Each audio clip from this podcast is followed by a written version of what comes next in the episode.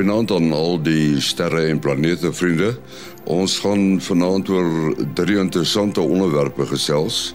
Die eerste een is hoe maak 'n mens suurstof op Mars?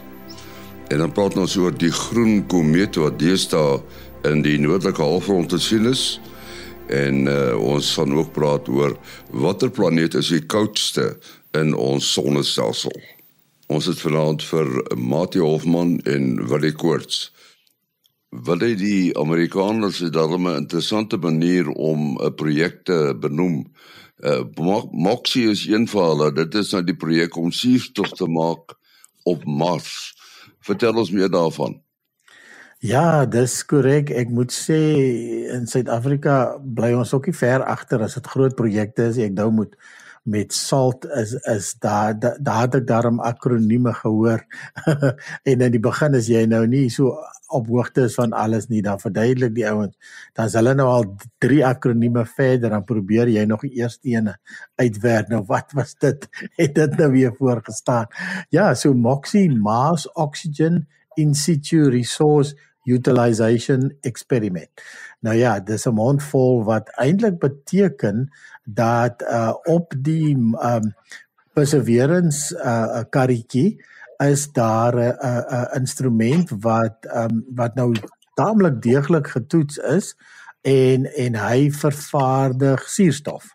Um nou ja, as ek nou sê vervaardig, dit is dis eintlik uh die atmosfeer is mos nog maar baie dun en uh, dan as dat dan van die atmosfeer van van uh, Mars deur die instrument uh, gestuur word dan het hy nou al sedert uh, dit begin hardloop het in 2021 het hy al 122 gram suurstof molekulêre suurstof ver, ver versamel en en um, ge, genereer en dit is um, omtrent genoeg vir 'n klein hondjie om vir 10 ure te kan asemhaal wat 122 gram suurstof beteken nou nie vir enige iemand enige iets nie.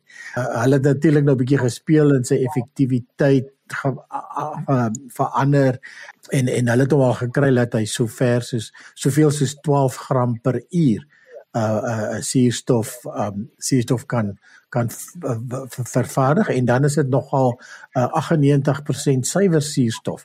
So dit is uh, uh nou onlangs op die 16de oefening of die die die die uh, eksperiment wat hulle die eksperiment gehardloop het het hulle 9,8 gram uh, suurstof ver, vervaardig. Nou ja, die die hele idee is dat in die toekoms erns gaan jy en dit is nou eintlik nou al um al al uh, bevestig dat met 'n uh, uh, instrument soos hierdie wat omtrent so groot is soos 'n mikrogolfoond as jy mense Mars toe stuur kan jy nou vir hulle 'n uh, suurstof vervaardig om om uiteindelik asem te kan haal. En natuurlik die ander uh, groot probleem van Mars is as jy daar geland het uh, as jou is jou is jou petroltank leeg en dan moet jy op 'n manier jou petroltank vol kry. So die belangrike ding van enige 'n uh, sending na Mars toe uiteindelik gaan wees om te kan brandstof vervaardig by Mars sodat uh, as jy wil terugkom en meeste gevalle is dit is dit is dit beter om om om nie net 'n eenrigting kaartjie te hê nie dan um, dan kan jy ook vir jou um, vuurpyl brandstof ver, vervaardig. Ja, so dit is nogal heel heel uh, opwindend. Hulle sê die metode is soos 'n brandstofsel wat in trirad werk. Nou in 'n brandstofsel het jy uh, weet 'n gas en 'n vloeistof en dan jy nou 'n elektrolitiese proses wat nou vir jou 'n uh, kan waterstof gee. Uh in die geval van van die brandstofselle of jy as jy omgekeerd uh, werk dan kan jy nou weer uh, elektrisiteit uitkry. So ek het nou uh nie verder na die detail gekyk nie, maar net om so 'n gevoel van skaal te gee, uh, as mens nou dink aan weet die groot drome om mense op Mars te kry, uh ek meen van die drome het nou al klaar geval want daar moes al mense op Mars gewees het. Nou uh, wil dit nou daar getalle genoem in die orde van gram net 10 gram per uur of was dit 'n weet in daai orde die maksimum was 'n bietjie hoër as dit. Uh nou maar hierdie toestel self uh die Moxie apparaat is uh, weeg 17 of hy het 'n massa van 17 kg en die afmetings is so 5 amper 25 by 25 cm by 30 cm uh, wat nou so ek weet nou 30 cm lineaal dit gee 'n goeie uh, goeie idee en sy kragverbruik is 300 watt uh, 0.3 kilowatt. Uh so op die ou end hopelik sal die uh as jy nou hoë produksie van suurstof nodig het, sal dit nou nie lineêr met hierdie getalle kan skaal nie, maar mens sou al 'n uh, eers, eerste orde grootte van berekening kan maak en sê gestel jy het nou 'n uh, bemanning van 3 mense teen watter tempo benodig hulle suurstof uh en hoeveel weergawe van hierdie apparaat sou jy met die huidige vermoë nodig hê. Uh dan is dit by formidable uh, getalle wat jy uitkom wat saam met die bemanning stap vir stap mars toe uh, geneem moet word maar die tegnologie sal hopelik daarin baie effektiewer raak uh soos wat die uh, behalwe die die uh, die insig maar uh, baie dinge kan jy meer effektief doen as jy dit op 'n groter skaal doen uh, gelukkig. Uh Mati terwyl jy aan die gang is uh hier is 'n interessante item dit lê as die son aanhoudend massa verloor via die uh fusieproses uh nou is die vraag hoekom word die son nie eintlik kleiner nie? Uh ja dit is nogal dit is nogal 'n goeie interessante vraag want dit klink teenintuïtief. Uh nou moet mens eerstens verstaan maar hoekom verloor die son massa en teen watter tempo? En dan moet jy nou verstaan uh wat bepaal die grootte van 'n ster. So daar's 'n hele klomp astrofisika wat ter sprake kom. Nou kom ons begin net by die massa verlies. Uh die rede hoekom uh die son oor biljoene jare so geweldige hoeveelheid energie kan vrystel is omdat dit gebruik maak van kernenergie uh by wyse van kernsmelting wat in die kern van die ster uh plaasvind. Uh kernsmelting het ons al op die aarde laat plaasvind ongelukkig uh op dramatiese uh manier in uh, waterstofbomme uh wat daardie reaksies in 'n vinnige kettingreaksie uh, reproduseer maar daarom ook op klein skaal in uh in eksperimente van kernsmelting van tokamaks uh en so aan. Uh maar dit gaan daaroor dat jy uh aanvanklik waterstof uh in by wyse van isotope, uh, deuterium en tritium uh versmelt om helium te vorm en uiteindelik helium versmelt uh tot nog swaarder elemente, hele reeks van kernsmeltings uh uh, reaksies wat kan plaasvind. En in hierdie kernsmeltingsreaksies is daar 'n omsetting van massa na energie by wyse van uh, of in ooreenstemming met Einstein se beroemde formule E is gelyk aan mc kwadraat. Miskien moet ons dit eerder stel as uh energie gelewer is gelyk aan die verandering in massa of die verlaging in massa maal die spoed van lig kwadraat. Nou die spoed van lig kwadraat is 'n geweldige groot getal en uh dit veroorsaak dan as jy dit nou met 'n klein verandering in massa vermenigvuldig, dan kry jy 'n groot klomp energie uit. Uh nou dit is daardie verandering in massa wat nou ter sprake is. Ehm um, en per sekonde verloor die son miljoene kilograms. In 'n dag as ons dit nou uh, in 'n dagterme uitdruk 350 biljoen ton. So 350 biljoene ton is dan natuurlik 10 tot die mag 3, 1000 maal 10 tot die mag 3 per dag. En dan raak mens benoud want hoe lank gaan dit vat voor hierdie son van ons uh uitbrand? En dan kan mens nou gelukkig uh goue sommetjie doen om myself gerus te stel. Hulle beraam die son se massa op 2 biljoen biljoen biljoen. Uh so nou kan jy die som gaan uitdoen, jy uh uitwerk, jy deel 2 biljoen biljoen biljoen met 350 biljoen. Uh en dan gaan jy die hoeveelheid dae kry uh, wat die son sou kom brand indien die verbrandingstempo daarvan konstant bly en dit sal ook nie die geval wees nie mettertyd sal sy verbrandingstempo uh, uh weer afneem.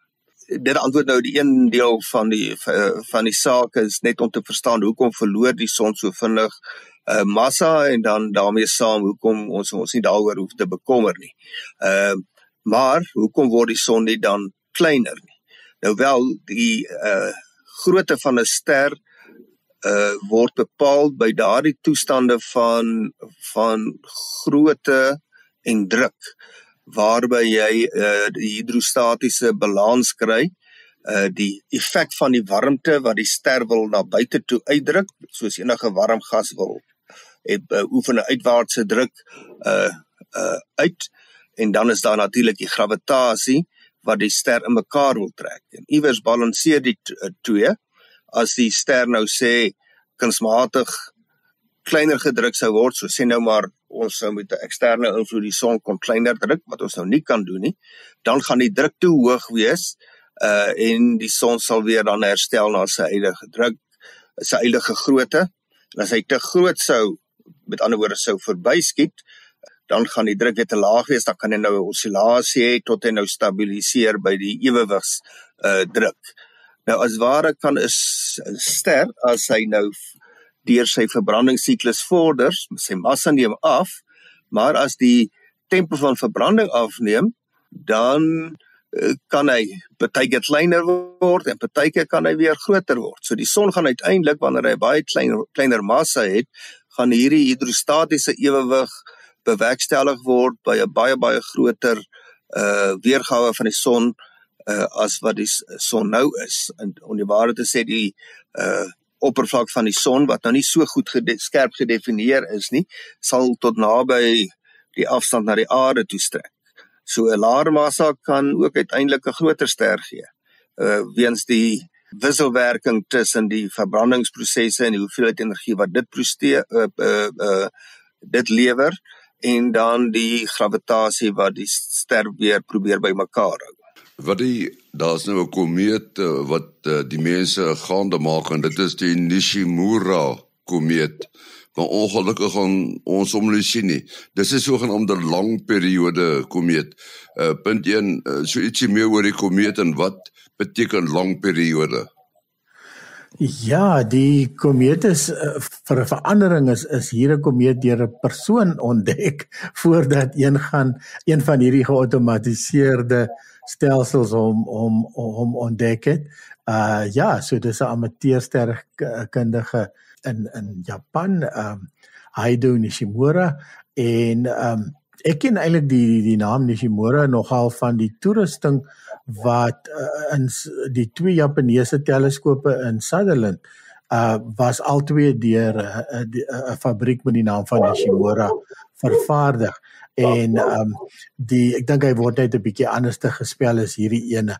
Maar hoe dit ook al sê uh so ek dink dit is amper soos van 'n merwe of iets in in in Japan. As 'n redelike algemene van ja so die um persoon het die het die komeet met 'n met 'n telefoto lens en 'n en op 'n en 'n 6D 'n Canon kamera uh gemonteer het hy hom ontdek op die 12de Augustus.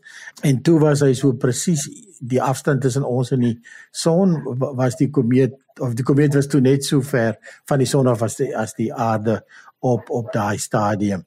En uh interessant hulle kyk mos nou maar altyd terug as hulle so 'n komeet ontdek en hulle kyk of hulle nie spesifiek met hierdie geautomatiseerde stelsels almal op opgetel het nie en en die Pan-STARRS uh is stelsel het het toe wel teruggekyk en hulle kon sien dat hulle in in die 19 en die 24 25ste Januarie al het hulle hom wel opgetel. Op daai stadium het hy glad nie 'n uh, 'n wasigheid om hom gehad nie sodat dit dit net soos 'n soos 'n sterretjie gelyk. So dit is hoekom dit dit nie dit nie as 'n ontdekking uh van 'n komeet deur deur gekom het nie. Op daai stadium was die komeet bitter dof uh, uh magnitude 22 en en van die mense wat magnitudes verstaan en intussen het die komeet toe skielik begin um uh, begin ophelder en uh uh, uh so op die 27ste Augustus was hy al magnitude 7 en en toe 'n stertjie begin uh, vertoon.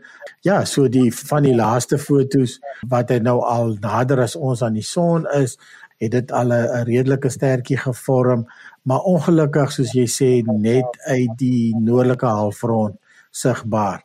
Um die komeet is nou vinnig besig uh, om om te moet tussen ons en die son deur te kom en uh eintlik wanneer die program uitgaan is die komeet dan op sy naaste aan die aan die son en en dis in die in die son se se gloed is hy is hy dan versteek. Dan wanneer hy aan die ander kant van die son uitkom, gaan hy altyd baie baie na aan die son bly. Op daai stadium reken hulle uh, sal die komeet uh magnitude plus 2 raak, so dit is nogal baie helder en as dit nie as dit nie vir die son was nie, sou hy baie mooi met die met die blote oog sigbaar gewees het. Ja, so vinnige deurvlug hier deur die um, deur die deur die sonnestelsel. Ja, en dan die die die lang periode beteken dat uh, die die komeet um, gaan 434 jaar neem om nou weer uh, uh, uh, uh, sy verste punt te bereik. Uh en dan gaan hy nou weer terugkom uh, om die om, om die son. So dit gaan so 800 oor die 800 jaar vat vir die komeet om om keer om die om die son te beweeg. En dan die ander interessante ding is daar is 'n uh, eh, meteoorreën uh in in November, uh gewoonlik so tussen die uh um tussen die 22ste November en die 8ste Januarie baie uh, uh ja, hy piek hier op die 30ste November. En die die uh meteoorreën omdat hulle nou sy baan mooi uit uitgewerk het, uh lyk dit nogal asof die meteoreën as gevolg is van van hierdie hierdie komeet.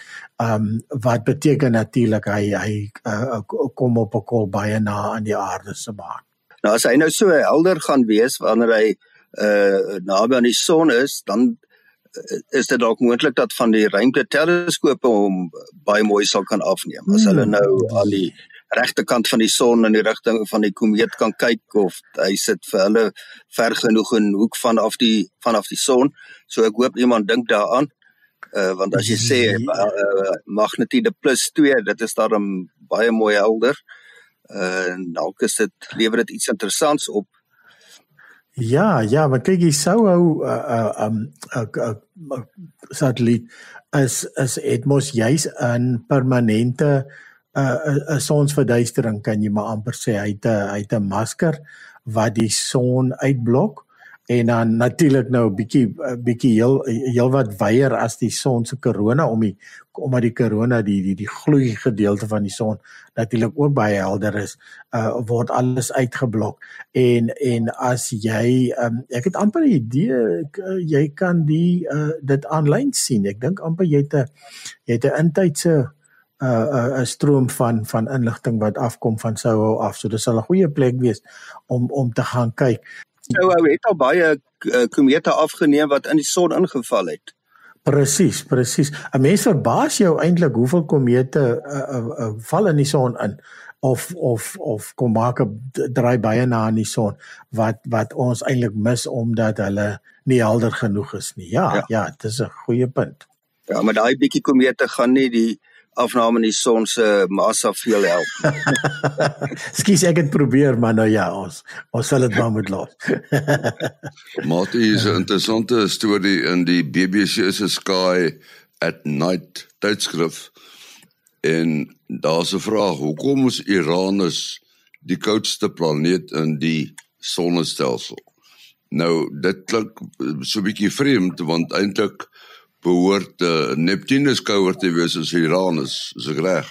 Uh, ja, Neptunus is verder en uh die afstand vanaf die son is verseker 'n baie groot bepalende faktor uh as dit kom by die temperatuur van van 'n planeet so die uh Mars sal neig om kouer te wees as die aarde omdat hy uh, sy afstand vanaf die son groter as van die aarde af is maar dit is nie noodwendig waar van elke deel van elke planeet nie. Uh ek meen op Mars se ewenaar is dit by tye 20 grade terwyl dit uh, nie 20 grade is by die aarde se pole nie. So mens moet praat van 'n 'n gemiddelde temperatuur en dan wat ook 'n belangrike rol speel as dit gaan oor die temperatuur op 'n planeet is dan ook rotasie.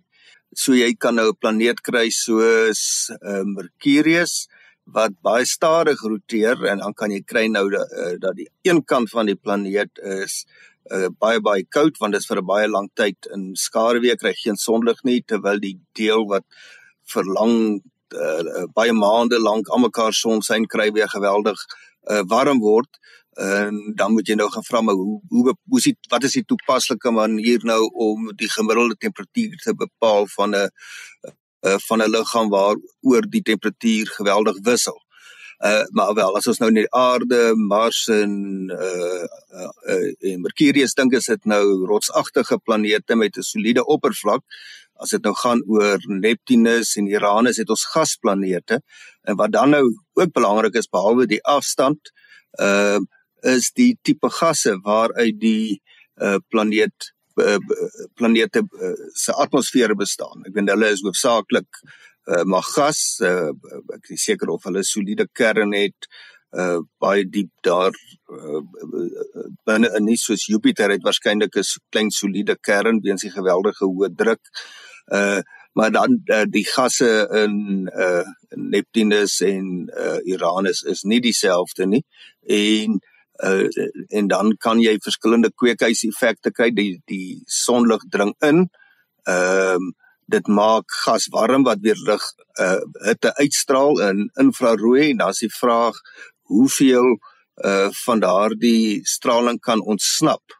Met ander woorde hoe effektief is die kweekhuiseffek en dit gaan dan nou uh, afhang van van die atmosferiese samestelling sonder nou op die detail van die gas en so aan in te gaan. Dis nou waar die verskil inkom uh ehm uh, is dat uh, die die die netto effek van die weerkaatsende vermoë van die atmosfere plus die kweekhuis effek uh die deurlatende tyd met anderwoorde hoeveel van die lig kan indring en nie net weerkaats of op die buitenste uh la geabsorbeer word nie sal dan die temperatuur bepaal uh of die gemiddelde temperatuur en ehm um, en dit is 'n ingewikkelde ding om dit uit te werk. Daarvoor het jy nou uh, al die uh, die presiese atmosferiese samestelling nodig. Jy het die inligting nodig oor hoe die digtheid van die atmosfeer verander met afstand vanaf die middel van die uh van die planeet.